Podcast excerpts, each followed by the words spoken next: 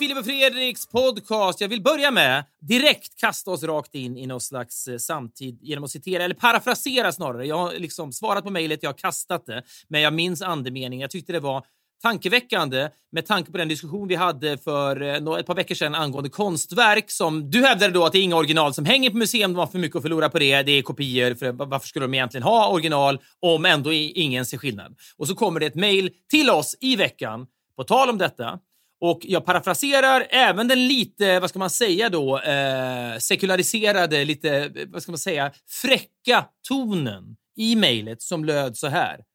Inte fan är det kärringen som ligger i kistan. Ja, Och du förstår briljant. ändå direkt vad jag menar då och vad den här mannen... Jag vet att jag tänkte Ja, här! Det är alltså, sjuka, men jag tänkte inte i- tanken, det är inte hon som ligger där, men jag tänkte någonting i den andan. Man, fan, det, det är intressant. Det är klart att hon inte ligger där. I en vecka har drottningen valsats runt då, den här kistan i olika, liksom, olika parader och så vidare genom London. Folk har stått där. Andemeningen i detta är, i den kistan ligger Nej, ja. vår älskade drottning. Vi står på gatan för att ta farväl. Och då kan man fråga sig om hon, ett så här, har de mycket att förlora på att låta henne ligga i kistan? Vad kan hända? Någon springer fram och välter kistan, drottningen rullar ut. Men någon kan ju liket- sno den. Du kan ju råna liksom paraden. Ja, någon kan ju, ja, precis, en superheist. De snor kistan, byter ut Stor den. och- comeback av militärligan. Svenska militärligan. Ja, men plötsligt sitter någon på drottningliket. Var, det de som, var det de som sprayade du vet, med kulor och glada gubbar? Det var militärligan. Det var maskeradligan. De hade lite mer maskeradligan, Jönssonliga tror jag, varje kvalitet. tror år. jag. Militärligan var lite Ja, mörkare. men här, ja, men, men, men, men det är maskeradligan som tar över. Ja, men liksom. Alla ja, kommer i. Prince Charles-masker Ja. köpta på brittiska Buttericks. Ja, men. Ja, men det är en otrolig heist ju. Men det är ju ändå, det är någonting med, om, om du skulle fråga hundra britter som står där då i ur och skur, även om det kanske inte var skur. Det här har varit ett mörker för England. Alltså, måste säga, jag har tappat all, nästan all respekt för England efter det. Ja, okej, ja, men det är 70 år. Man, man, jag, jag jag är ändå ganska öppen för att det, har- att det här har varit starkt. Ha ett, ha ett bättre argument än det i 70 år. Nej. Ha det, snälla. Nej, men jaha, nej, men vet, vet, återigen, när folk tänker med magen, då får man respektera att, att allt common sense slås ut. Det är bara så. Men, och ett exempel på det är ju... Men de har haft för fan en vecka på sig, eller tio dagar. Det är det. Alltså, jag fattar allt. Ja, men jag, vet, jag, jag, kan, jag, jag, förstår också det, men här, samtidigt argumentet, hon har alltid funnits där. Ja, men vet du vad? Det har ju Eiffeltornet också Ja, men det har ju också vår jävla kung. Jag ska inte säga så, men det är inte så. Han har väl Ish, också... men, ja, men här, det mesta har alltid funnits där. Så att, jag menar, det finns Ja, han har väl suttit skitlänge, Ja. vår kung också. Ja, 50 år nästa år. Absolut, han har suttit skitlänge. Men det är någonting. Fråga hundra britter som står där på gatan. Tror du drottningen ligger i kistan? Då vill, de måste ju Ja, om de klart. står där med blommor säga ja, det är klart att de tror det. Men det är på samma sätt som de vill att det ska vara Mona Lisa, såklart, när man står där. Ja, men det, det, det här är ju mycket intressantare. Är, ligger hon i kistan? Och du säger självklart inte. Men säg det till de här britterna. De, de, skulle, ju, de skulle tycka att du är ute Men var, när jag tänker på det, det är inte så att jag lagt så mycket tid, men varför i hela jävla världen skulle man låta henne ligga där? Det är Ja, idioti. Så att ingen Jag öppnar... menar, det är de exponerar i sig. Exponeras för en enorm risk. Det var ju någon där, där såg du hon den där ryska, det var ju ändå, och det var det, det var väl liksom någon dåre nå- eh, i då rysk tv, det var liksom avpixlat tv kanske, jag vet inte, men hon som ändå är någon som megafon för Putin. Att hon hade i en liksom, ungefär agenda i Ryssland då, hade ändå suttit och sagt att ja, aldrig har vi väl haft bättre läge att liksom döda fler människor än under drottning Elisabeths begravning. Jag vet, det, är någonting med, så varje gång det refereras till rysk tv nu så vet man så här, vad är det ens- vad är Ja, ens rysk vet. tv Det idag? nej, ja, men du och jag pratar ju under, ja, men under vår Du uppväxt. har ett kritiskt öga, du, har, du är vaken. Men under vår uppväxt pratade vi mycket om då, den, en annan typ av rysk desinformation. Då var ju då nyhetsbyrån TASS. Och varje gång Sveriges Radio refererade till, enligt nyhetsbyrån TASS, så var det alltid då att någonting har hänt i Ryssland, att det var en stor eh, tågolycka. Alla överlevde mirakulöst nog, enligt nyhetsbyrån TASS för att det var liksom helt tintade, färgade nyheter som skulle få då Sovjetunionen, imperiet, att framstå i god dager. Men nu är ju då rysk media något helt annat. Nu är det bara kaos där. Man kan liksom inte lita på... Enligt rysk TV... Äh, men vad är ens rysk TV idag? Så när, när du säger enligt rysk TV så vet jag... Va? Varför ska vi ens prata om rysk TV? Man vet inte vad det är längre. Nej, men, och, och, men jag tänker ändå, det var något starkt. Det har ju varit något toppmöte, östtoppmöte då i om det var Uzbekistan. Kina. Eh, ja, men med Kina och Indien. Det var ju några bilder när han fick sitta och eh, vänta själv. Att de andra var försenade. Azerbajdzjans ledare. Det var ju något starkt i det när man tänker att Ja, då, Putin eller? Ja, han fick sitta på scenen och bara bläddra bland några papper för att någon var försenad. eh, ja, men det är ändå en bild. Undrar vad det var för papper. Ja, men det var någon som sa att han har ju ingen, ja, men så andra hade dragit fram telefonen, sa de. Men han har ingen telefon, så det var liksom bara få papper han satt och bläddrade i tydligen. Då. Fan vad intressant. Ja, alltså. jag, jag har bara läst om det här, så jag, jag ska säga, alltså, jag har inte sett det, även om jag sa att jag hade sett det. Jag vet inte, men, men jag läste även, och jag tror även... det är roligt. Jag Du tror att jag har sett det. Jag tror att jag har sett det. Men, ja, men så det tror jag även han Modri, heter han väl, va? Eh, indiska ledaren tror jag. Eh, och han hade bra, men han, du såg att han liksom, ett modernt land, det, det finns inga krig, vi ska inte föra krig längre och sådär. Han läxar ju liksom upp Putin lite grann kring det där. Och även Kinas ledare sa ju någonting i stil med, Modi heter han förresten va? Det måste jag ändå kunna. Kina, eller du hade inte haft en susning, Indiens ledare. Nej, sant. Nej, men Mod- han är väl också kontroversiell. Men när de börjar sitta och kritisera honom sådär. Jag tycker ändå att när de ställde in ett tal igår. Jag har aldrig känt att han är farlig. Alltså, du vet, så här, vad kan han göra? Men när folk börjar liksom ta du vet, backa ut ur rummet, även de här. Det är första gången jag känner, vad ska han göra? Ä- ä- dra, är det så? Fan, men det, var det här en öppen, var det typ en Q&A det här inför folk? Liksom? Alltså, alltså, satt han i typ på Rigoletto i Kina? Nej, men han satt väl liksom i något, han satt väl liksom på Rosenbad i Uzbekistan kanske, jag vet inte. Ja, men det, är, jag, det, det, det är någonting med liksom...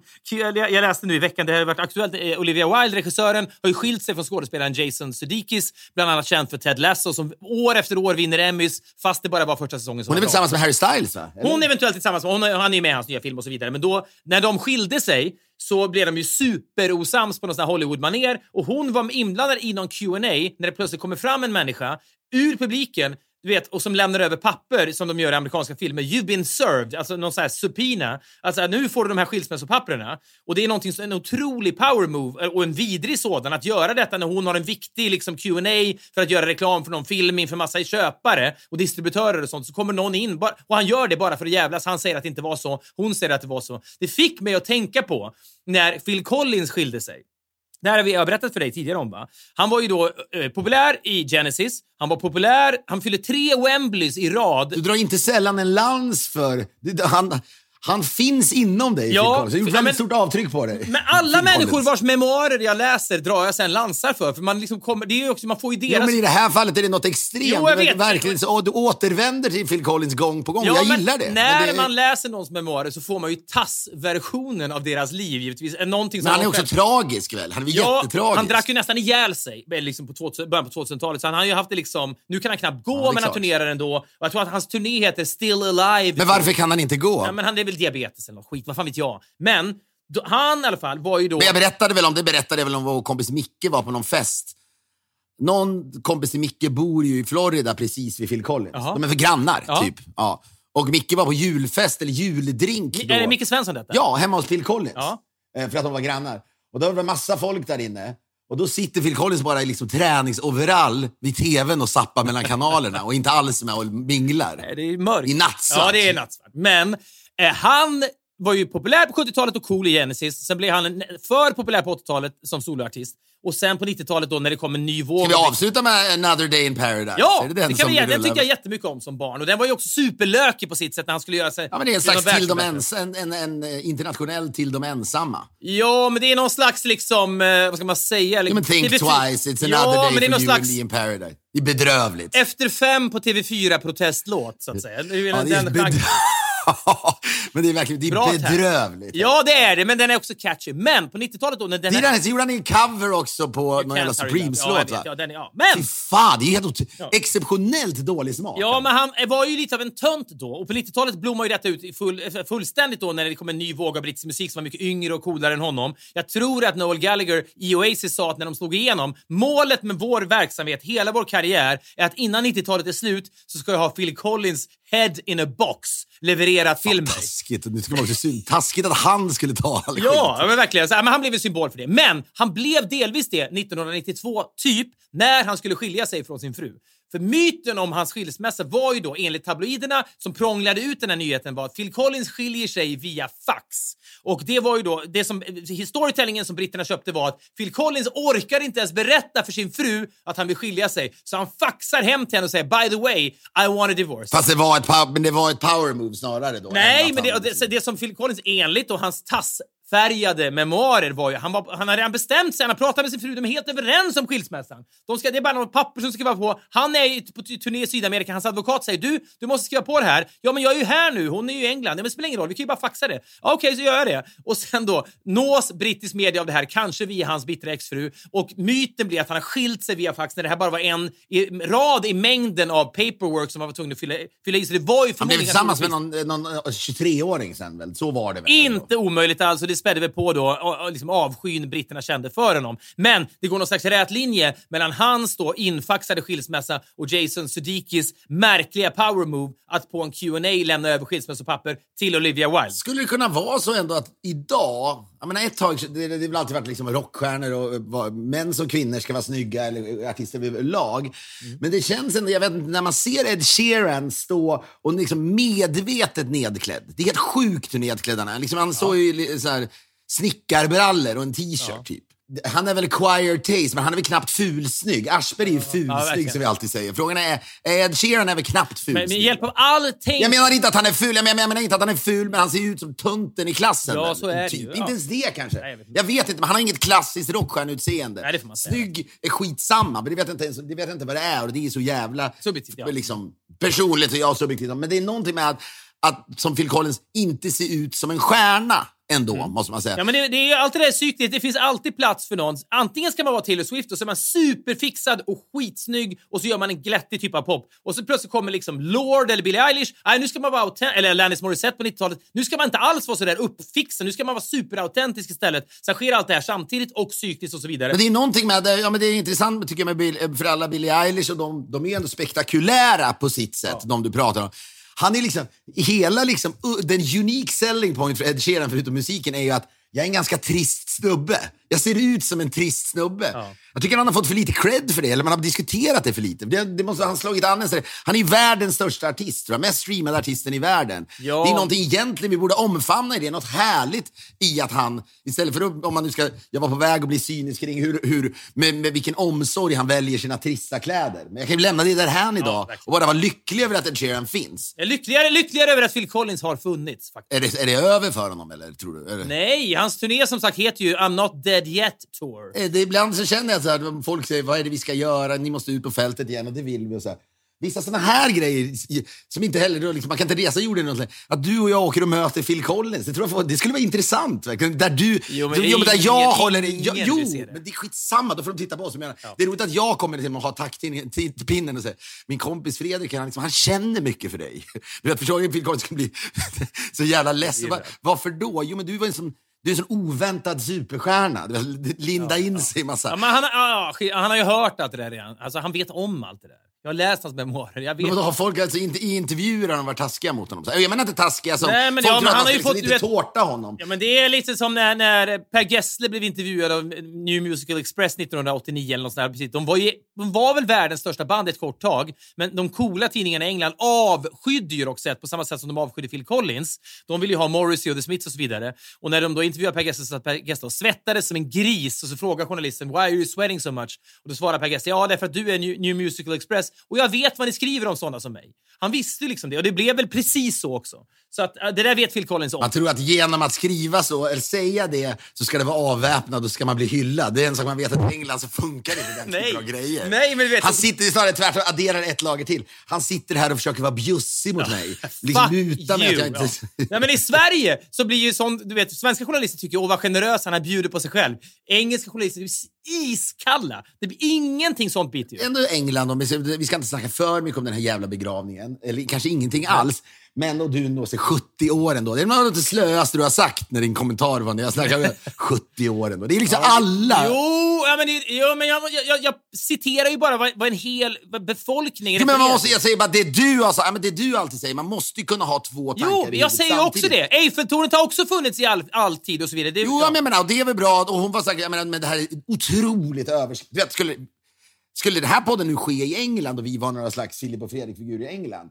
Det, man kan inte prata som vi gör. Och som, alltså, men det är så sjukt också med hur, liksom, det sista du kan göra... Men jag kommer ihåg när jag drog iväg velat tweeta, den sista tweeten jag drog iväg kanske med den där, jag är trött på liksom alla överklass charities eller vad fan det var. ja, prinsessa Sofia. Precis, ja.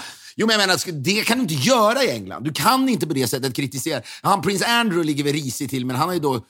Liksom, det är väl liksom, han är väl pedofilanklagelse mer eller mindre. Så är det, honom kan man väl pissa. Jo, men de, det, det krävs ju något sånt för att du måste liksom helt kan ta händerna från eh, the royalty. Men, men hon har ju då hyllats bland annat för... Har du sett hennes jävla när hon läser från en prompter, det här talet under pandemin? Ja, jo. Har du sett den? Ja, det är väl så inget... jävla överskattat ändå. Ja, men jag måste säga, det- folk har ju älskat den här. Will, också, den, genia, den genialiserade Ja. slutraden som alltså snodd från Casablanca, antar jag då, eller? Vilken, eh, vilken film är det? We'll meet again. Ja, jo, Säger de då. verkligen. Jo, det, det de sjunger väl det i den. Det är väl musik från den filmen, tror jag. Jag vet faktiskt inte. Ja, men du vet, det är så här genialiskt. Hon sitter in i en prompter Nej, och det ser är, fan, det är gammal och slutlåten i Dr. Strangelove, I will meet again. Skitsamma.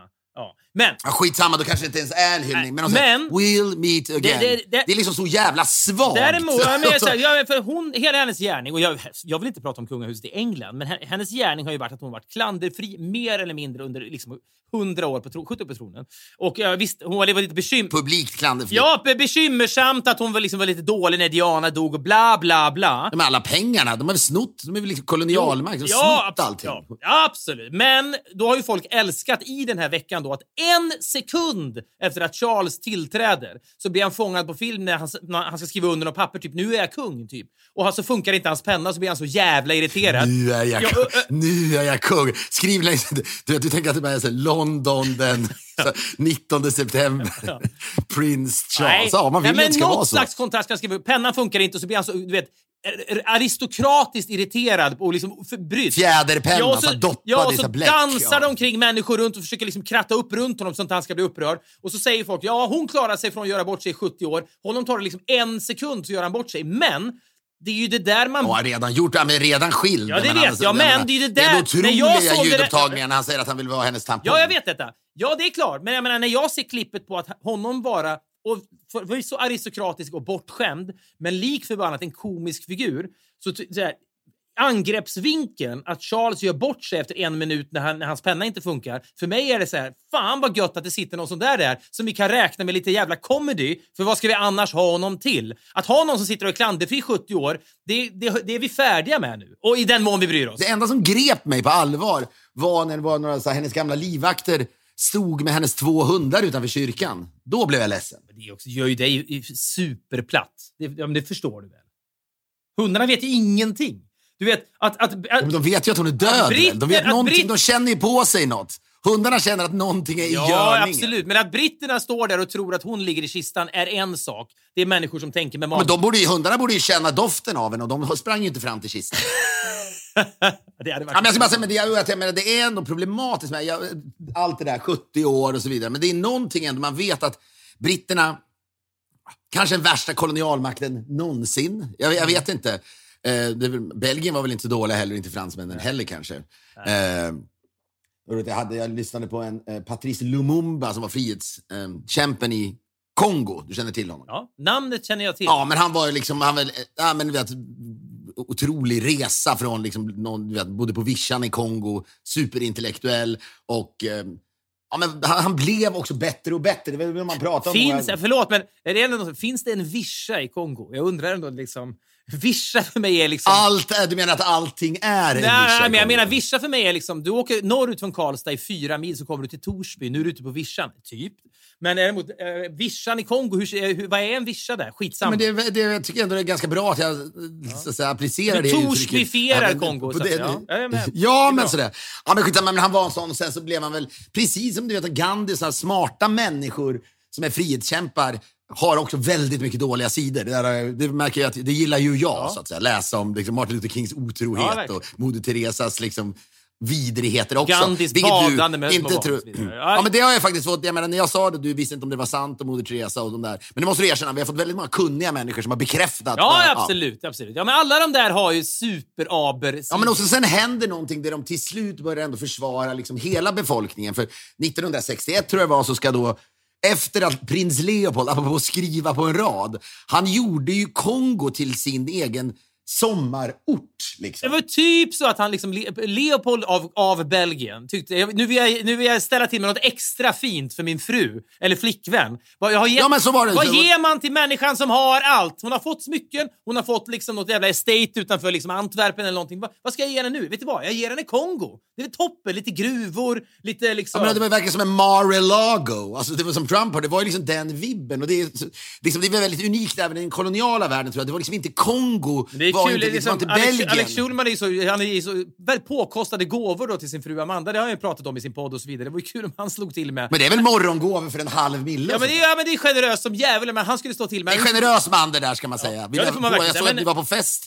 Var det som vanligt nu? Jag, om jag, blev, jag blir ju avundsjuk ibland. Jag känner att jag är, åren går och jag är längre och längre. Snart kommer folk inte ens höra av sig till mig och fråga är du i stan när Nej, vi har fest. räknar Alex gjorde det. Ja, men Alex gjorde det inför sin monolog. Och så, men så såg jag bilderna när ni då sitter där. Emil Persson skickar liksom ett, ett liksom ironiskt mess till mig om att du har tagit på dig kavaj. Ja. Kavaj på! Ja. Så skickade han skärmdump när du hade frågat honom, är det kostymläge? Ja. Eh, också. Ja. Och han kom med sina svarta brallor då, eller, och, och sin rock. Ja, så blev det kavaj men, men du sitter där och, och, och skrattar jag till, kavaj på, haha. Första gången liksom, jag och Emil snackar bakom ryggen på dig Ja, och inte fint. tvärtom. Ja, det bara, ja. Men, och då känner jag en avundsjuka. Så ser jag där, var det ytterligare en sån här fest? För Alex är väl den mest generös, i Sveriges mest generösa kändis när det handlar om att bjuda på fest. Ja, det, ja, det får man verkligen säga. Det, är liksom, det finns ingen komisk twist på det. det, det visst, då går man dit till någon jävla restaurang som man har abonnerat Men ni sitter ju ändå liksom på... Ja, 60 vadå, Sturehof är väl en av Sveriges dyraste restauranger? ändå. Så ja, är det väl? Supervälkostat och påkostat. Och sen när jag då skulle gå hem så... så för att, ja, men, det, det var en dag imorgon och klockan var ett på natten och så, så då tittade han bara på mig. Fan vad tråkig du är när Ja, du det tänker på att det är en dag imorgon. Då, säger, då, då det. tittar Ja. Alex på mig och så säger han, jaha, nu har du rapat. Det är tydligen en sägning. Nu har du rapat. Är det? Ja, okej. nu har du rapat.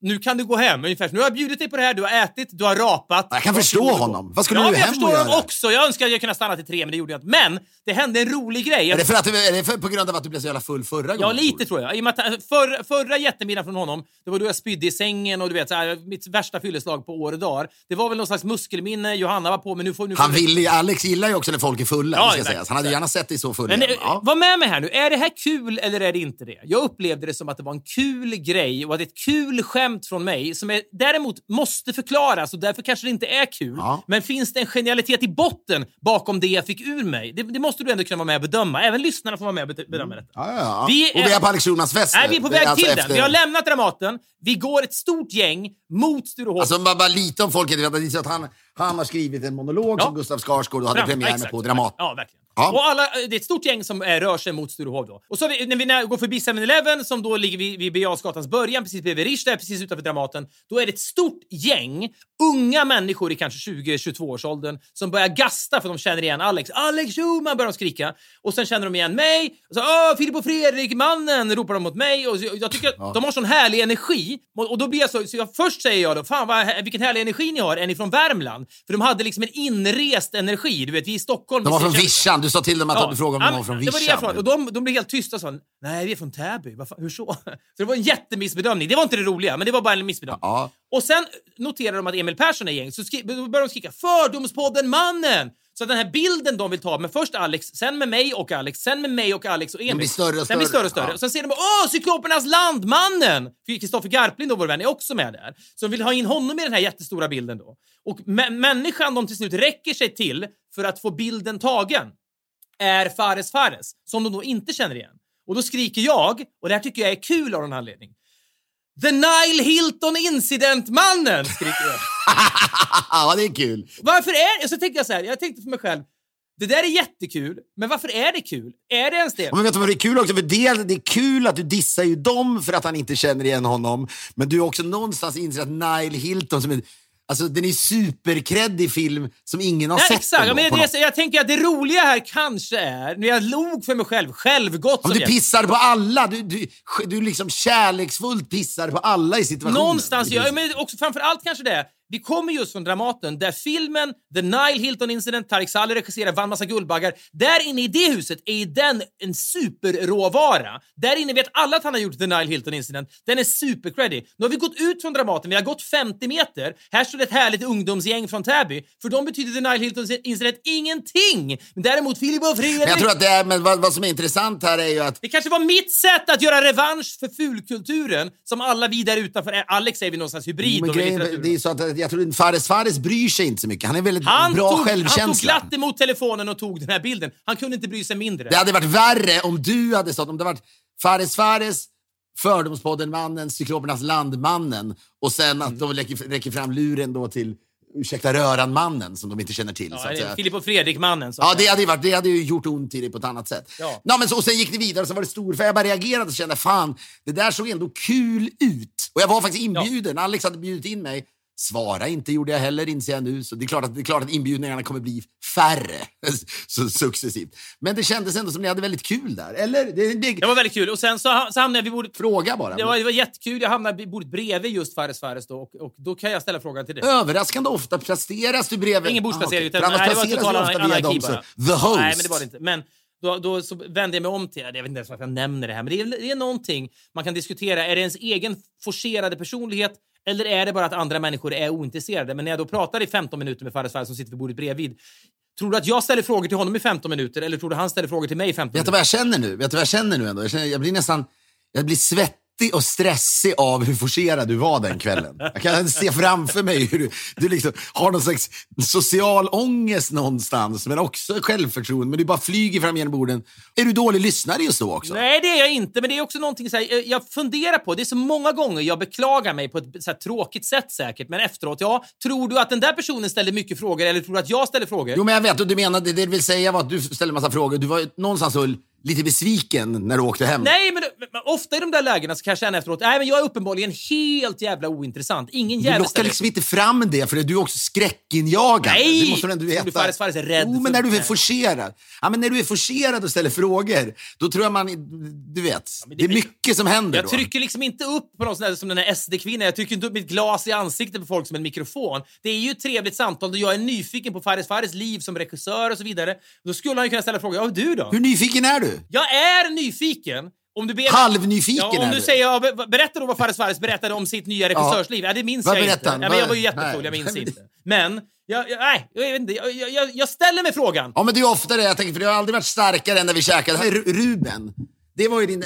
Då var det, det var ju liksom det här vi pratade om förut, men det var det då. För då var det både du och jag som ställde frågor i två timmar. verkligen. Eller Ja. om det var tre timmar. Jag har tre timmar om hans film. Inte en fråga tillbaka. Och när du går ut, du går ut ur, ur, ur Rish och du säger aldrig mer, säger du till mig då. Ja, men då, ja, jag vet. Ja, men det här tror jag Ruben, jag tror nästan Ruben kan ta det Ja, det här. tror jag. att han, Garanterat. Det Det är intressant i hans jävla Ja. värld. ja. Men du blir, du blir väldigt, ja men du känner dig väldigt för, du har, jag tycker att du blir mer och mer förorättad med åren. Ja, jag vet. Och det är det jag funderar på. Är det här bara någon superdålig egenskap hos mig? Eller är jag trevlig och ställer massa frågor och ingen jävel bryr sig om mig? Eller har jag en poäng eller är jag bara dum i Det är huvudet? ett ålderstecken också. Det är lite ålderstecken att du blir gnäll. gnäll. Det är liksom, ja, jag vet. Det är det oklädsamt. pa- paddelmentaliteten. Ja. Men apropå det bara, apropå Ruben så läste jag en sån, jag, vet inte, jag log för mig själv också i veckan. När då, eh, nu är ju då, det är klart det blir regeringsskifte och du, okej, vad kommer hända med kulturen? Tänker Dagens Nyheter förstås då. Och då har någon Björn Söder eller vad fan vad de nu heter allihopa sagt att ja men Filminstitutet, va, det gör ingen nytta alls, det kan vi lika gärna skrota. Och det får ju stå för honom. Eh, och då skriver då DN, någon där på DN skriver då en indignerad krönika. Björn Söder. Vad vore Sverige utan Filminstitutet? Utan Filminstitutet, ingen triangle of sadness. Och jag, skriver, jag sitter och skrattar. Nej, det skrev inte människan. Jo! Det var det sjukaste jag hört. Bokstavligt talat. Och jag tänker så här, ja, tri- helvete? triangle of sadness är viktigt för Vilka DN Kultur. jävla idioter! Men Alltså, tror vilka du att en människa som stöder Björn Söder, eller Björn Söder själv, bryr sig om Triangle of Sadness? De Det är heller inte viktigt. Nej, men de, Triangle of Sadness de bryr sig om bensinpriser, de bryr sig om invandring och man kan tycka vad man vill om det. Men tro inte att du kan swaya Björn Söder med att komma släpande med Triangle of Sadness i SD-leden. Men jag menar, det där är ju saker som liksom om, om hundra år sedan som man kommer kunna garva. Det är ju ungefär som hela den här eh, preaching to the choir-journalistiken. Det är så jävla otroligt. Ska någon sitta då, någon liksom min, typ mina föräldrar i Köping när de orkade läsa tidningar och var liksom lärare. Ja, gud vad förskräckligt. Triangle of sadness. Det är, Vad vore Sverige utan Triangle of Sadness? ja, vilken men jävla menar, då... Herregud, vi har gjort Tårtgeneralen tack vare att vi fick pengar från Filminstitutet. Så jag förstår ju poängen med Filminstitutet som Jo, men pengar. den är... Ja, ja. Gud, ja. Nej, men det är inte det. Men att säga till Björn Söder, hörru Björn, vad vore Sverige utan Triangle of Sadness? Och Björns liksom väljare, det är, liksom, det är så världsfrånvänt så att det, är liksom, det liknar ingenting. Det finns inga berörings... Ett vändiagram som inte har Det är en väldigt typ av gnällig journalistik nu. Och det, det är så här, jag tror ändå... De har fått att göra nu. Det måste vara härligt nu. Även han Anders Lindberg som jag tycker ofta är vettig med på Aftonbladet som inte kan sluta skriva om journalistrugbyn. Nej, ja. Som att det är något jätteallvarligt. Ja, jag det, ja. det är som, vad fan har hänt? Har det brunnit i huvudet? Det är inte farligt. Journalistrugby måste man kunna säga. Kartan är, det ser annorlunda ut nu, men det, det är liksom... Det är, otroligt- en väldigt indignerad känsla bland folk. Aldrig bättre illustrerat än människan som skrev om Triangle of Sadness, uppenbarligen. Vi är denna vecka sponsrade av Kura of Sweden. Vi ska prata om någonting som jag tänker mycket på som man inte klarar sig utan och det är ju sömn. Förutom det uppenbara då att man känner sig trött av sömnbrist så påverkas även om minnet, koncentrationen, immunsystemet, prestandan. Det här är ju det viktigaste vi har ändå, sömnen. Ja, och nio av tio personer som då har testat Curas tyngdtecken, jag är en av dem, upplever då att de har fått en bättre sömn. Det är fan så. Och man kan då välja tecken som väger mellan 3 och upp till 16 kilo. I mitt fall, jag vill att det ska vara så tungt som möjligt. Jag ska inte kunna röra mig. Det är en otrolig känsla att ligga omfamnad där under täcket och prata väldigt varmt och väldigt mycket om detta. Med koden Filip Fredrik så får man 25% rabatt, Filip Fredrik ett ord, 25% rabatt på allt inklusive redan nedsatta priser. Detta är otroligt. Gå in på Kura of Sweden, C-U-R-A, och kolla runt. Det här är också perfekta presenter till nära och kära. Det snällaste man kan ge någon en god natt som Vi säger stort tack till Kura. Vi är denna vecka sponsrade av Clarins serie för män. Clarin Men heter den. Det är en hudvård då som är anpassad för den manliga huden och den mest sålda produkten är Super Moisture Balm som man använder morgon och kväll på rengjort ansikte. Den ger då en smidig hud och man slipper en stram eller torr känsla som det lätt kan bli, särskilt på höstkanten. Jag vet allt om detta sen vad var jag, nioårsåldern började jag liksom botanisera i mormors, farmors, mammas krämskåp. Har hittat mig fram. Du är liksom, det är som att du har haft mjäll över hela kroppen Ja. väldigt under ditt Ja, men jag har varit fnasig och jag vill liksom inte, man vill inte vara det. Man vill liksom, om hösten kommer och det är lite så motigt, då vill man åtminstone ha en, en glow när man är omkring på stan. Ja, och som vi nämnt tidigare, då är ju huden vårt största organ och det ska vara med oss hela livet som så mycket annat. Därför måste vi självklart ta hand om huden och vi män ska ha egna produkter och inte då snylta på, på ens partners produkter om man ens har använt produkter tidigare. Nu måste man börja använda produkter. Det är ett stort steg som vi alla måste ta. Män har ju då cirka 20 till 25 procent dessutom då tjockare hud och generellt sett då högre talgproduktion. Fan vad mycket talg du har haft. än kvinnor. Så därför då ska vi inte använda deras produkter. Gå in på lyko.se och med koden filipfredrik, ett ord filipfredrik, så får ni alltså 20% rabatt på Clarins, men till och med 29 september. Vi säger stort tack till Clarin! Ja, men får jag bara återvända då kort till frihetskämpen Patrice Lumumba. Från Vischan ute i Kongo. Från Vischan i Kongo. Då. Ja, men han tog sig då från Vischan via... Det liksom, du vet, han gick långa vägar såklart. Det är narrativet kring honom. Och så blev han, växte han sig starkare, starkare, starkare och till slut var han då... Han blev president tror jag, för, när, efter då när de... Eh, Nyckelord kolon, tror jag. Jo, men jag vet ju åtminstone, jag kan ju hyfsat placera in Patrice Lumumba i en i historisk kontext. Jag hade Ja, tagit hyfsat. den frågan i Alla mot alla. Du hade inte. ja. Var har man sett den jäveln? Den hade du inte tagit, Patrice Lumumba. Nej, det hade jag inte. Han är väldigt snygg, Patrice Lumumba. Fåfäng som djävulen var han också. Men han, de, den här radikaliseringen tycker jag är... Vi har ju sett det i den här faktiskt, tycker jag, fantastiska serien Kalifat. Va? Men det är ju ändå mer... Ulrike Meinhof är ju nästan... Det slutar aldrig vara fascinerande. Hör- Jag hörde faktiskt att det var, jag fick höra bakgrundshistorien om tv-serien Kalifat då, som gick på SVT för ett par år sedan. Att, att upphovsmannen, eller vilket gänget bakom, såg en stillbild från en övervakningskamera från Heathrow där då, som brittisk media la ut, här är fyra kvinnor som är på väg för att då joina ett kalifat nere i Syrien eller vad fan det var. Och den freeze-framen och den suddiga, pixliga bilden var så stark och gav en känsla av det där har någonting. Hur hamnar man i den freeze-framen? Hur kan vi berätta det här? Och så bara backar man bandet och så gör man en hel jävla episk berättelse om det. Jag tycker det är så... Jag blir alltid glad när jag hör så här Genesis, alltså Genesis menar jag inte bandet Phil Collins ingick i, utan med så här födelsehistorier av verk man gillar. Hur kommer de till? Vad är den tändande gnistan? Allt med det där var att det var så jävla härligt. Ja, när kommer en svensk serie som är så jävla bra, kände man där. Internationell klass. Ja, men, och- men just den typen av radikalisering är ändå fascinerande. Du vet, hur hon, är, liksom, hon är ju en, en människa på DN i princip som skriver om, vad heter det, som skriver om eh, Triangle of Sadness. Ulrika Meinhof. Det är i Ja. princip vad hon Ja. är. Ja, hon är ju i En princip det. kulturjournalist på DN fast i Tyskland. Ja. Ja, det- hon är mer kulturjournalist på Aftonbladets kultur Ja, i princip, kan man säga att hon var. Ja. men och så radikaliseras hon. Hon skriver om de här terroristerna, eller de här, liksom, den här rörelsen. Och sen till slut, ja, men alla vet ju inte, alla vet ju inte riktigt vem hon är, men så sugs hon in i det där. Det är, ja, och till slut så eh, dör hon. De tar väl livet av sig, hela bunten va, i fängelset. Väl, ja, tror jag, kanske. Ja, tror jag kanske. ja, men det är bra. Det är okej. Du borde ha en egen Wikipedia känner jag ibland. Filipedia kanske det kan heta. Där du bara liksom ja, det, där är, det är inte så noga med. Det Nej, det finns inga hänvisningar, finns inga källor, utan bara Philips magkänsla om Ulrika Meinhof. Jag tror att Lumumba. hon... Eh, han dog i Stuttgart. Kanske inte. Osäker. Eh, ja, men det verkar ändå va, eh, som... Orkar, också, det här är så typiskt jag. Det verkar... Nej, jag orkar inte kolla upp det. Men jag tror att det var någonting var det väl ändå att de, de försökte ta livet av sig. Va? Hela Andreas Bader och gänget. Vad fan, måste jag veta det här? Eh, så ser jag det med självmord. Ja, det är inte så mycket som står då. Är det... Nej, det är, ty- det är ett tecken på att det kanske inte var så. Men det spelar ingen roll. Hon påträffades hängd i en tunn handduk fastsatt i cellfönstrets galler. Ja, Okej, hon tog livet av sig. Ja, bra. Visst. Mm. Bra Eh, för det. do- dödsfallet bedömdes av fängelseläkaren Dr. Helmut Henk. Ja.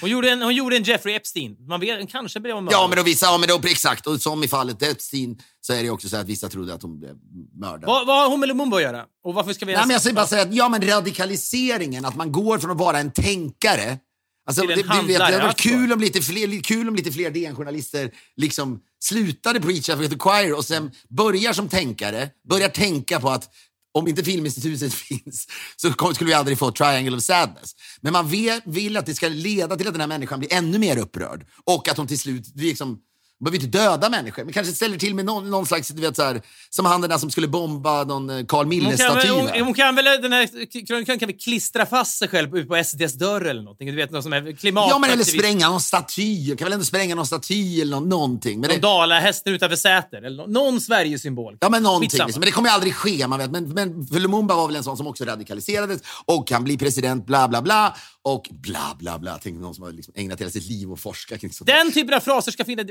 I Filippedia ska det finnas mycket den typen av fraser. Bla, bla, bla. Tror jag. Kanske. Eventuellt. Ja. Ja, men och sen så Underhållande. 61, 61 så lämnar väl då till slut Belgien tillbaka. Eller det är liksom Leopold då, om han nu lever. Men det är så här, det är, han lämnar tillbaka sitt sommarresidens Kongo. Och sen i alla fall så ska allt bli bra, men det styrs ju fortfarande av, av liksom, kolonialister och sen avrättas ju Patrice Lumumba inför publik då. Leo, jag ska bara säga att Leopold, som då 1961 lämnade tillbaka sitt sommarhus, hade då varit död i 50 år. Det vill jag ändå bara föra till Ja, protokollet. men familjen då, kungafamiljen. Alltså det var, de styrde väl på något sätt. Eller, ja, eller det skulle vara att politikerna tog över det.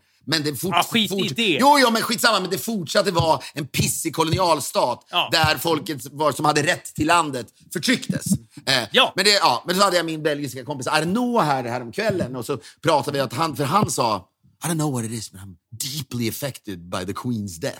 Jaha. Och, eh, ja, och då sa då, då har vi träffat honom, Ja. en sån hipp reklamfilmare liksom. Ja. Och jag bara, men då sa jag sådär, I don't know what to do with this information. It really changed our friendship, sa jag. För jag blev helt chockad. Ja, men hur kan man åtminstone bli... Du har ju inte gripits av det. Nej, då. nej. Du har ju bara, du gör ju en nykter analys om att det är 70 år och så vidare. Det är det, det är så, den Men det, jag tycker ja. det blir en slags Rorschach-test i vem man är som människa. Du blir lite tagen av att hundarna står och saknar henne. Jag blir minitagen av att en ponny hon har gillat står när, du vet, när, när jävla bilen med den eventuellt tomma kistan åker förbi och hästen står och tittar på kistan med något litet täcke över sig som var hennes. Det är ju egentligen ing- ingenting! Hästen förstår väl för fan ingenting? Det är en ponny. Nej, för de fattar mindre än hundarna. Nej, men hästen har en hjärna stor som en valnöt. Han förstår ingenting. Men det gör mini mycket med mig. Så det, är liksom, det där är bara en reflektion av vem man är. Det är väl det kanske som kungahus är, alla den här typen av symboler. De blir någon slags så här spegling av vem man är. Vad blir du gripen av? Vilket, vilken komponent drabbas Ja, du av ja. i det här?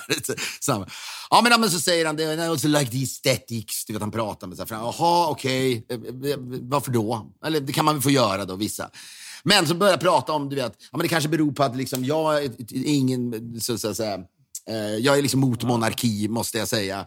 Eh, men, men de har också ett kung, alltså, vi har också ett kungahus, men jag liksom, ja, Ja. du vet, öser på och säger att jag tror inte att henne, vår kungs liksom, position är lika stark som Elisabeth. Så här. Men de har ju fortfarande en kungafamilj, även i Belgien, som ändå är i rakt nedstigande led från denne Leopold. Men då säger, och det har jag märkt med folk som är från kolonialmakter, gamla. Sverige har väl haft en koloni, Saint Barts, va, som det bodde 4 000 Ja. människor på, som de sen sålde till Ja, Frankrike. Men, ja, men då säger han, well, but there's a lot of different stories and it's not only black and white. Some people thought it was much better in Congo when the Be- Belgian people ran it and a lot of people had great... Det, ja, men vet, det är någonting som ändå ligger kvar Ja, det är intressant. hos, Ja. hos alla Narrativet, kolonialmakter. ja, men narrativet är väl ändå så här, ja, men så här, som engelsmännen säger, we did the Burma Railway eller sånt där. Ja, vi, vi, Ja, men, men exakt vi, sånt. vi mördade miljoner, men nu har de en järnväg som de kan liksom åka bistro Ja, men det är också så här, men säg, du vet, det, alltid så här, det finns människor som faktiskt tyckte det var bättre förr. Ja, det är intressant att det, det, det är där även cyniska, klarsynta, knivskarpa människor som kommer från kolonialmakter har svalt narrativet att ja, det fanns fördelar för dem med att vi kom dit och lemlästade allihopa, för annars hade de inte haft en tågräls idag. Ja, det är, det är för att du säger att de var helt hjälplösa själva. Ja, men det är exakt men, så men vad tror ni att de hade varit annars? Precis, det är det som är det intressanta. Du tror annars att det bara hade varit en vischa i Kongo. De kanske hade liksom, du vet, kanske eh, det hade utvecklats snabbare än några andra länder. Men det, där är, men det är någonting att man ändå, det finns någon patriotism i det antar jag. Men att säga, för det var eng- britterna, ja hur hade Indien varit om de hade lämnat tillbaka det tidigare? Du vet, den där typen av grejer. Det- Och det, det tycker jag är så, det är det jag menar bara när då drottningen dör, då får, alltså, jag satt och tittade i några sekunder och, och, och under dessa sekunderna så skapade jag en bild av vad som försiggick i studion. Men det var då BBCs direktsändning från Eh, och det sitter någon jävla, du vet, Se- Se- Sebastian Coe sitter där. Okej. Som nu är Lord Sebastian Coe. Gamla 1500 meters löparen ja. Ja, men det var ju han som fixade väl OS till London. Liksom. Ja, han träffade drottningen och piss och de sitter där.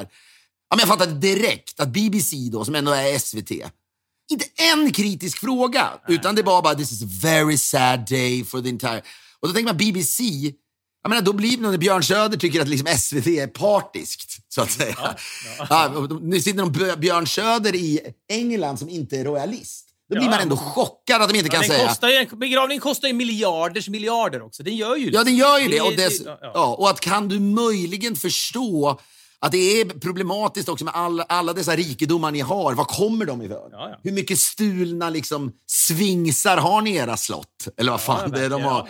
Ja. Nej, Ja, men jag det- kommer ihåg när, vi, det, var något, det var något bröllop i svenska kungahuset, så var det något bröllop eller något dop eller vad fan det var och vi tyckte att det var så jävla liksom, välkammat i mediebevakningen från SVT att vi åkte väl till SVT och hissade Nordkoreas flagga då. Efter nå- det var något barn som hade fötts tror jag och du vet, det- folk blir ju vansinniga på det för att man får inte... Man får, Jonas Lundqvist hissade vi lät, precis, vi lät artisten Jonas Lundqvist hissa det är helt sant. Det är inte konstigt att BBC eller SVT sänder kungliga tilldragelser, men det går att ha en gäst under en nio timmar lång sändning som ställer en kritisk fråga. Det går liksom. Men bara komplicera saker och ting en aning. Det är liksom så här, men, men, alltså, är möjligen kungahuset en föråldrad institution? Men nu vill prins Charles ska väl göra ett, en billigare, liksom, eh, eh, vad är det man säger när han blir utses till kung? Då? Kröning, han, ska göra någon, han har ju sagt att det ska, ja, en billigare kröning. Han tar in liksom, Lars von Trier gör en dogmakröning.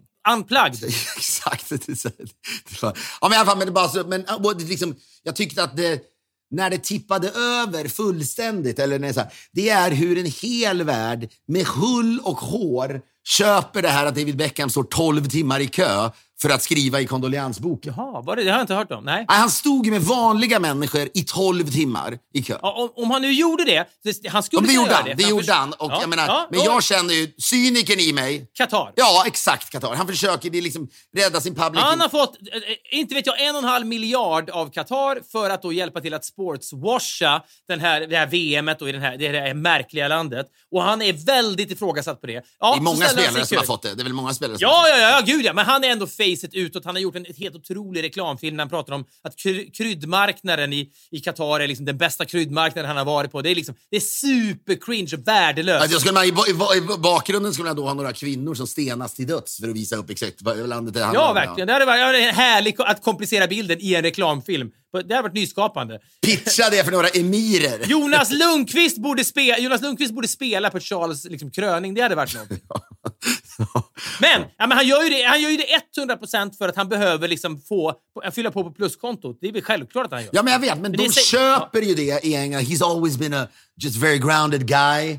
Eh, och, och, och, Okej, så under den här, när, när de lyfter detta i BBC-sändningen så är det inte en människa som drar en parallell mellan det Nej, nej, nej. De sitter ju bara tindrar med ögonen. De tindrar med ögonen.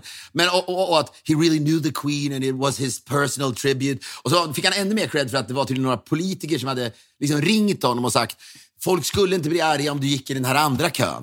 Vi kan släppa in dig. Så gör, ja, och då, he turned that offer down because he's David Beckham. Nej, det- det Ja, du vet, då, det är liksom så, det, det är liksom Men galenskap. varje alltså. gång en kändis får cred för att kändisen inte beter sig svinigt utan beter sig som vanliga människor. Det är liksom alltid bedrövligt att den, att den credden kan inhämtas. Den behöver man inte ge. Det, han får väl göra som han vill. Han får väl stå där, men man behöver inte få beröm för det. Man behöver inte tindra med ögonen. Ah, vad fan, det var det är.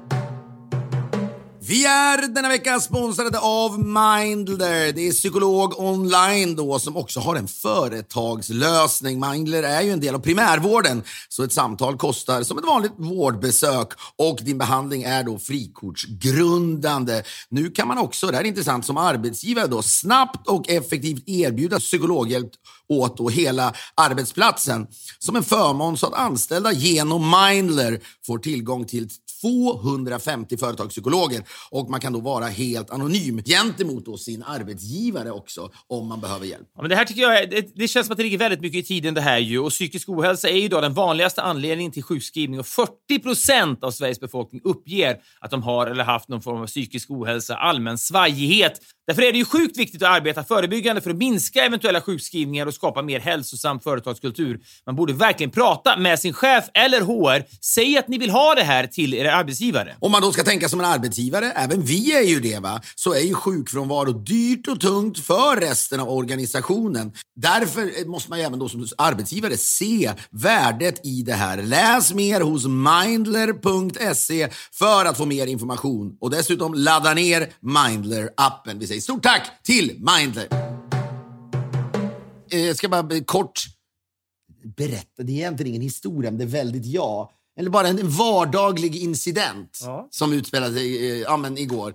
Så jag har, de måste dra om det är något fel på elen i huset. Det är alltid någonting. Och då är det någon kille som är här och eh, ska då eh, hjälpa oss med det. Och då måste han liksom kry- krypa in und, liksom, mellan bjälklagren i huset på något jävla sätt. Det, är- ja, det är otroligt. Jag som har du vet, lite eh, cellskräck, så Ja. alltså får panik. Ja, man, får, man ser det där. Men då eh, så kommer han ut och sen bara noterar ah, men nu funkar ju inte internet. Jag visste att det skulle ske, för det, kablarna ligger där. Så, ja, men kan jag inte vara irriterad på honom. Jag kan inte bete mig kolonialt, så att säga. Utan jag måste, Nej, du måste vara David Beckham i det här läget. ja, exakt. Så att jag, oh, do you know why? Och han bara, no, I don't know. Ja, sen ska jag då fixa eh, det här internet och du vet, starta om det. Och då går jag in med min eh, telefon, för det är så jävla mörkt där inne mellan bjälklagen, för där sitter också internetgrejen. Och så börjar jag lysa och sen Du använder telefonen som ficklampa alltså? Ja. och sen ställer jag den liksom precis vid kanten för att jag skulle kunna göra det. Och då precis tippar Ja, jag ner den Ja. genom en liten springa. Och jag vet, jag hör bara, det tar liksom några sekunder. Så bara, och jag fattar, jag har gått hela vägen ner till husets liksom fundament. Där ligger den nere. Ja, så den ligger liksom inte på armlängds avstånd. Det här är liksom två och en halv meter. Nej, alltså tre meter Ja, ner. ja, och så går jag ut till honom igen, den här killen, och säger, do you know I, I happen to lose my phone here? Kan jag krypa Jaha. ner här på något sätt? Ja, ja. Så kom han in, han bara, well you gotta break the whole wall. Ja, men det, jag antar när du säger det också så här, vet du, vad, jag, vet du vad, jag tappar min telefon. Då hoppas du att det ska komma, men den kan jag springa ner och hämta, för du vill ju inte ner. Ja men exakt, jag inte, ja, men, jag men inte i någon kolonial anda. Den ska jag springa ner och hämta. Utan, ja, men jag tror att han skulle ha något jävla... Men jag har ju den här långa stickan med en magnet på som kommer ta upp telefonen. Ja, du vet, ja, som, alla, som alla hantverkare har, en tre meter lång sticka med magnet. Ja, he says like, you gotta break, the- you gotta break the wall. Och då sa jag, can you break the wall?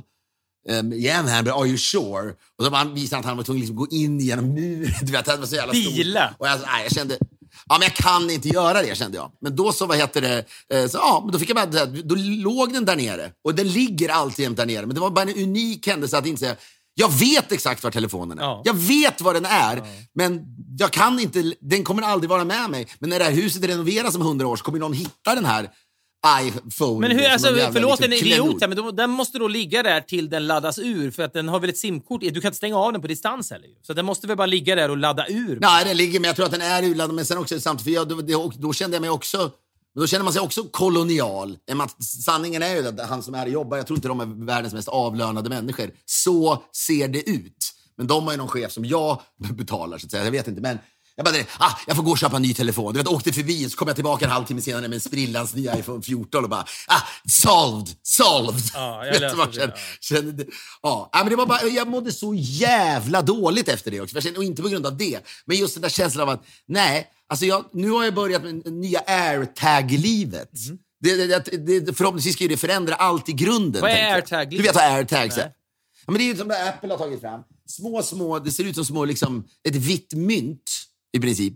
Som du klistrar på på liksom, telefonen. Ah, telefonen kanske inte behöver röra. Det här vet, mina. känner väl folk till, men jag, jag känner fan Ja, men du kan ha, iPhonen har du väl hittat min iPhone. Men på alla nycklar har jag nu såna här airtags. Så att jag precis kan se var de är då helt enkelt. Ja. Och så kan de ge ifrån sig ett ljud och sådär. Eh, men det det, det, det, och det, jag hoppas att det här i grunden ska förändra allt. Men redan nu så börjar jag ge upp. Du vet. Det är komplicerat att registrera de här varje grejen som, som då finns. Men du kommer se mig nu med nya nyckelknipper och m- på telefonen sitter det airtags. Så Jag försöker göra ett liv. Jag skulle vilja ha en airtag på mig själv. Du vet, jag skulle vilja som jag förstår jag, skulle, jag borde Ja, inte äga någonting. Jag skulle vilja vara, när jag dör vill jag att det inte ska det inte finns, finnas några ägodelar alls på det. Så du, att- I kistan ligger inte du utan en airtag. Ja, exakt jag skulle komma till. Eller jag skulle vilja, från och med nu vill jag bara gå då draperad i ett skynke eller ett lakan, likt Mahatma Gandhi, plus en airtag. Det är liksom allt jag skulle vilja ha. Gammalt möter nytt. Va? Du Så att- kan så- inte tappa bort någonting och det går att hitta det Ja, överallt. men då alla, och så kan alla hitta mig. Var är han nu? Men det finns inget annat jag kan tappa bort, mer än airtaggen då. det, det, är inte alls omöjligt att Ja, men det kan opereras in. Jag antar att man borde kunna lägga det in under skinnet. Ja, in under ring. förhuden, jag på att säga. Men kanske under ögonlocket eller någonting, istället för kontaktlins. Hörde du där? Hörde du det här? Det fick jag höra igår. Eh, En kompis med bara, apropå liksom förhud, det var det som var kopplingen. Min kompis har börjat spela schack. Vince, du som känner. Han är Ja, ja, ja. en man som har nya hobbys jämt. Det Underbar. säga. Men det, Ja. men det är liksom det ena efter det andra. Han liksom testar sig fram, begåvad på allt, men kanske borde någon gång... Han är, och detta lägger jag ingen värdering i, men en barnlös så det sjunger om det. Och det- därför testar man saker då. Man har mycket tid ju, har han. Ja, så kan det väl vara. Å andra sidan, även med barn tror jag han har testat grejer. Men skitsamma. Men han gör det, det är alltid kul. Så han börjar spela schack. Eh, och det tycker jag är liksom skojigt. Och han är då eh, väldigt förtjust i den här Magnus, den norska schack... Ja, norske schackgeniet. Ja, men han är väl liksom världens, kanske världens bästa schackspelare genom alla tider tydligen, Mm. eh, säger de som kan då. Eh, men nu förlorade han, eller om jag egentligen var det någon nu, jag vet inte när, han, Magnus Carlsen heter den. Men han förlorade för ett tag sedan mot en, om det var en amerikan. Eventuellt fuskande människa, va? Ja. Ja, men har, du, men har du hört att de tror då att den mannen fick tips och coachning via analbeads som han hade i röven? Ja, han hade någon slags geisha-kulor, så att säga. Fjär... Bluetooth-uppkopplade anal geisha-kulor som det kallades förr. Det är inte- otroligt kreativt. Buttplugs upp. Ja, det är, du vet, och så någon slags morsekod då. Två bassningar. Ja, men det är helt otroligt. Jag blev, jag, det är så så här, man förstår ju Magnus Carlsens irritation, Ja, det- givetvis. Men det där är så jävla bra så han borde liksom inte åka dit. Nej, men okej, det här är fusk, men det är så jävla begåvat fusk. Så att, men jag förstår inte hur man... Fan, tänk om man blivit om man fått reda på att liksom Joar Bendjelloul har suttit med såna under hela Alla mot alla-säsongen. Han vann förra säsongen, ja, verkligen. Han sitter med buttplugs, blu- bluetooth-styrda... Men jag kommer ihåg att jag lekte med det när vi var med på Ja, men det spåret. vore roligt att Janne Josefsson och Cecilia, Cecilia Frode har båda såna här buttplugs då. Vinner alla mot alla så det bara sjunger Mm. Ja, om det. verkligen. det. Ja, men hur, hur, visste, hur visste denne norrman då om det här? Anade han? Började det stinka Ja, Jag buttplugs? vet, jag har nog inte. Det här återigen är det en sån här historia där vi bara lämnar Eh, det. Det, det, är så här, det påminner mig lite, jag läste ett citat, men du vet, det här är något, du sa tidigare, du, det, livet är komplicerat, man vill nästan ge upp. Det här är så avancerat att man tänker så här, folk är så raffinerade nu att man, man, man, liksom bara, man blir lite lamslagen. Jag läste en bok i veckan som heter då Girig Sverige, skriven då av en ekonomijournalist som heter Andreas Cervenka, väldigt bra, så här, upplysande om liksom, varför, ser, varför finns det så många miljardärer i Sverige när det är så enorma klyftor och så vidare. Men det som var mest gripande var en ögonblicksbild som involverade Olof Palme. Det här, visst- man, vet, man tycker sig veta mycket om Palme, man har hört bevingade ord och så vidare. Det här har jag aldrig hört hört tidigare. Att då ekonomerna är på honom under 80-talet. Vi måste avreglera kreditmarknaden så vi kan liksom släppa bankerna fria så det kan bli lite jävla svung på jupp i Sverige, så att säga, finansmarknaden och sådär. Och han är emot det här för han är sosse och så vidare. Och så de är på honom och tjatar och tjatar och tjatar och det är avancerat det här. Och det slutar liksom med att Palme då, han är gammal, han är trött och så säger han bara liksom säckar ihop inne på Rosenbad och så säger han så här. Gör vad ni vill, jag begriper ändå ingenting av det här. Och de stormar Ja. ut och du vet, sprätta champagnekorkar, nu kan vi göra vad vi vill. Och det sitter liksom en, en besegrad, ja men en, en, gigant som bara inte har orkat hänga med. Han har varit med så länge, men de här unga ettriga jävla finansvalparna har bara tjatat och tjatat och tjatat. Till slut så bara kör de över honom och så bara reglerar de av Men allt. jag tror att det nästan, så här, jag tror att det nästan krävs typ en diagnos av något sätt för att inte ge upp till slut. Jag tror alla har den där punkten. Menar, sen finns det folk som bara har en, Bergfast övertygelse. Ja, en ja. jetmotor på ryggen. En imaginär jetmotor på ryggen och orkar.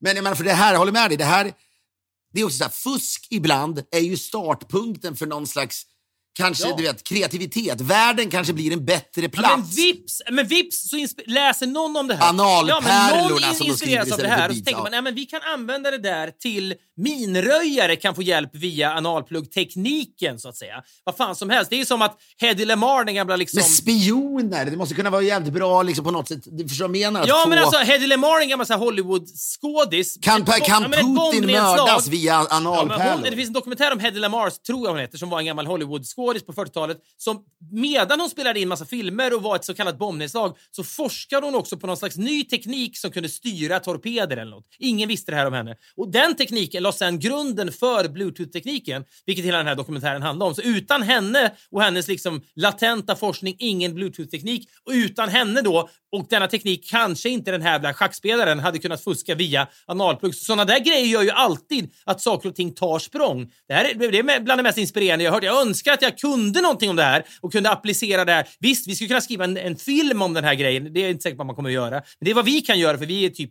citat kommunikatörer och berättare. Men hade jag jobbat med sånt här så hade det varit superinspirerande. Ja, men det är också det, jag tycker att det är liksom så här...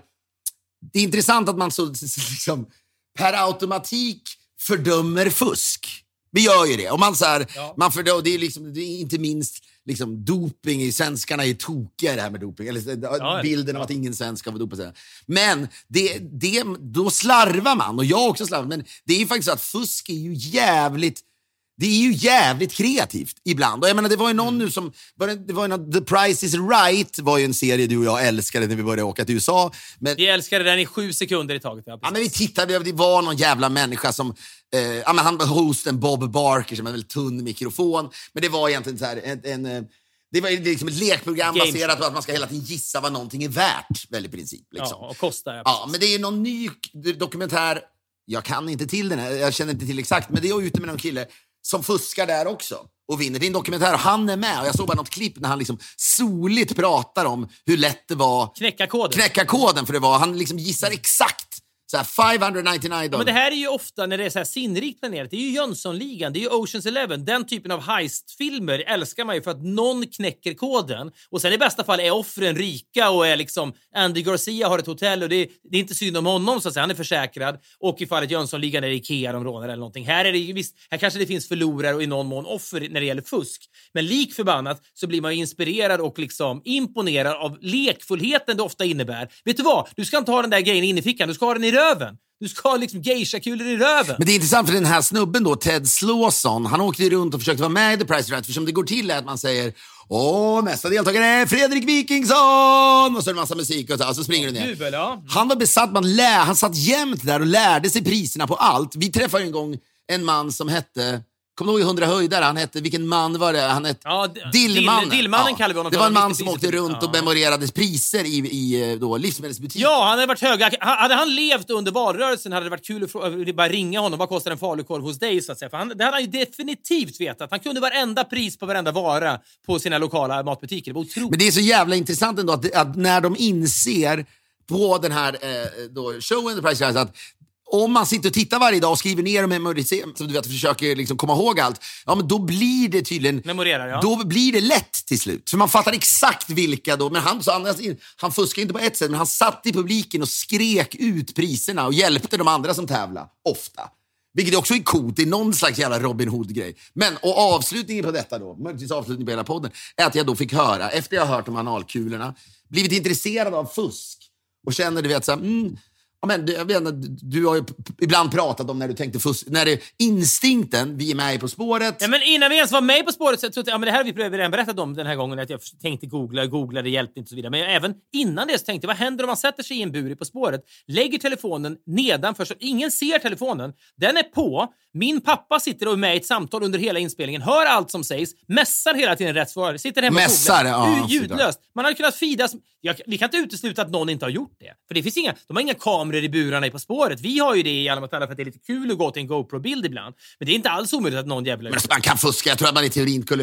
Jag menar, att vi är också generösa. Nu går vi och kissar. Det går ju att, liksom, att googla saker även ja, där. Ja, om man är lagd åt det hållet. Ja, men det var intressant för det. Jag menar, du pratade, liksom, å andra sidan så är du en människa som alltid pluggat mycket hela tiden, gick i skolan. Det var viktigt att liksom, kunna saker. Du var ju mer som han som memoriserade allting på The Price is Right, så att säga. Men att instinkten ändå är när man får chansen. Jag vet inte, jag kommer inte ihåg någon gång när jag fått det, men att det är, ska jag göra det här? Ja, men då gör jag det. Men då fick jag höra om Harry Houdini, som man ändå har beundrat alltid. Utbrytarkungen. Var det han som liksom egentligen han gjorde det sexigt. Fanns det innan? Liksom? Det måste ha funnits utbrytare Ja, men utbrytarkung, konsten har säkert alltid funnits, men han kom väl precis samtidigt som det började filmades journalfilmer. Typ, och så, så det, han blev väl känd över hela världen då. Man kunde sitta på bio och så skulle man se någon jävla liksom, Vilgot Sjöman-film eller vad fan det heter. Och så kommer det någon liten vet, journalfilm innan, innan tvn fanns. Ja, i USA finns Harry Houdini som bryter sig ut och gör halsbrytande konster. Så fick man se honom dumpas ner i någon jävla Hudson River i någon kista, typ, fast med kedjor överallt. Och sen en minut senare kommer han upp och det är ett mirakel. Men fick jag höra om Harry Houdini att han kysste ofta sin fru innan han drog iväg. När han, nu ska han sänkas ner här. Så gick han alltid fram till sin fru och kysste henne. Om det var alltid eller ofta. Då hade hon en nyckel i munnen som hon då lämnade över till honom. Ja, Tror de nu. Alltså, det är väl ja. folk som det, det är någon så här. Och då tänkte jag, ja, det är väl klart. Men Harry Houdini blir fan inte sämre av det. Nej. För han outsmartar ju alla genom att göra det där. Ja, det slår, jag. slår mig nu. Jag, jag läste att Thomas Andersson, vi har släppt en ny skiva, eller ska precis göra det nu, artisten då. Och han har en låt om Harry Houdini. Och så tänkte jag för mig själv, ja du, jag var först. Jag skrev en låt om Harry Houdini när jag kanske var, inte vet jag, 16 år. Finns den inspelad? Nej, fy fan vad det har varit kul. Så här. Den lät sig avsluta podden med... Men jag för mig, du, du faktiskt, jag har någon gång jag för mig den är ganska bra. Ja, men jag, jag, jag har texten också, men det är fy helvete om någon skulle ha en ljudupptagning på den och lägga ut den. Det skulle, det skulle man må skitens skit av. Men skitsamma. Det, det, men... han kanske, han kanske, har, det gjorts, har det gjorts någon biopic om Harry Houdini? Jag vet inte. Säkert, men han, men det, han är väldigt... Ja, han var ju enorm! Ja, men jag menar just med när, när fuskandet, när jag kände att jag blev upplyft, ja. först av analpärlorna ja. Och sen av Houdini. Ja, jag, jag tänker, jag har inga skiter i det här, för det är större än det de ägnar sig ja, åt. På något sätt, Schack i all ära, men att sitta med någon slags morsekod som du sa med liksom analgrejer. Att komma på det här enkla, enkla. Alla vill se en sista kyss. Ingen ifrågasätter en sista kyss. Ja, det är så jävla smart. Det är så och det är jävla... fusk i, i blind daylight. Så att det är fullt solsken så sker det här fusket med, liksom en, med en nyckelöverlämning oralt det är ju en större bragd att knäcka det och kunna utföra det år efter år. Ingen kommer på det. På ett sätt större bragd än att ta sig ut ur den jävla kistan. Och på tal om briljant! Mejla oss gärna till podcastpoddff.com. Gå in på axs.com och köp biljetter till vår kära Alla mot alla-final i Globen den 9 december. kommer att bli årets festkväll. Samt njut av Phil Collins med låten som, ja, den är lökig, men ibland kan man bara bejaka löket och njuta av another day in paradise. Lova er själva nu att fuska åtminstone en gång den här veckan. På jobbet, i, liksom, inom familjen. Ja. Fuska! Fuska inom familjen. Vi älskar att ha den här stunden med varandra en gång i veckan och vi älskar att ni fan är med oss. Det är helt otroligt att ni är det. Jag, jag, jag är ödmjuk inför detta, tro det eller ej. Här är Phil Collins. Puss!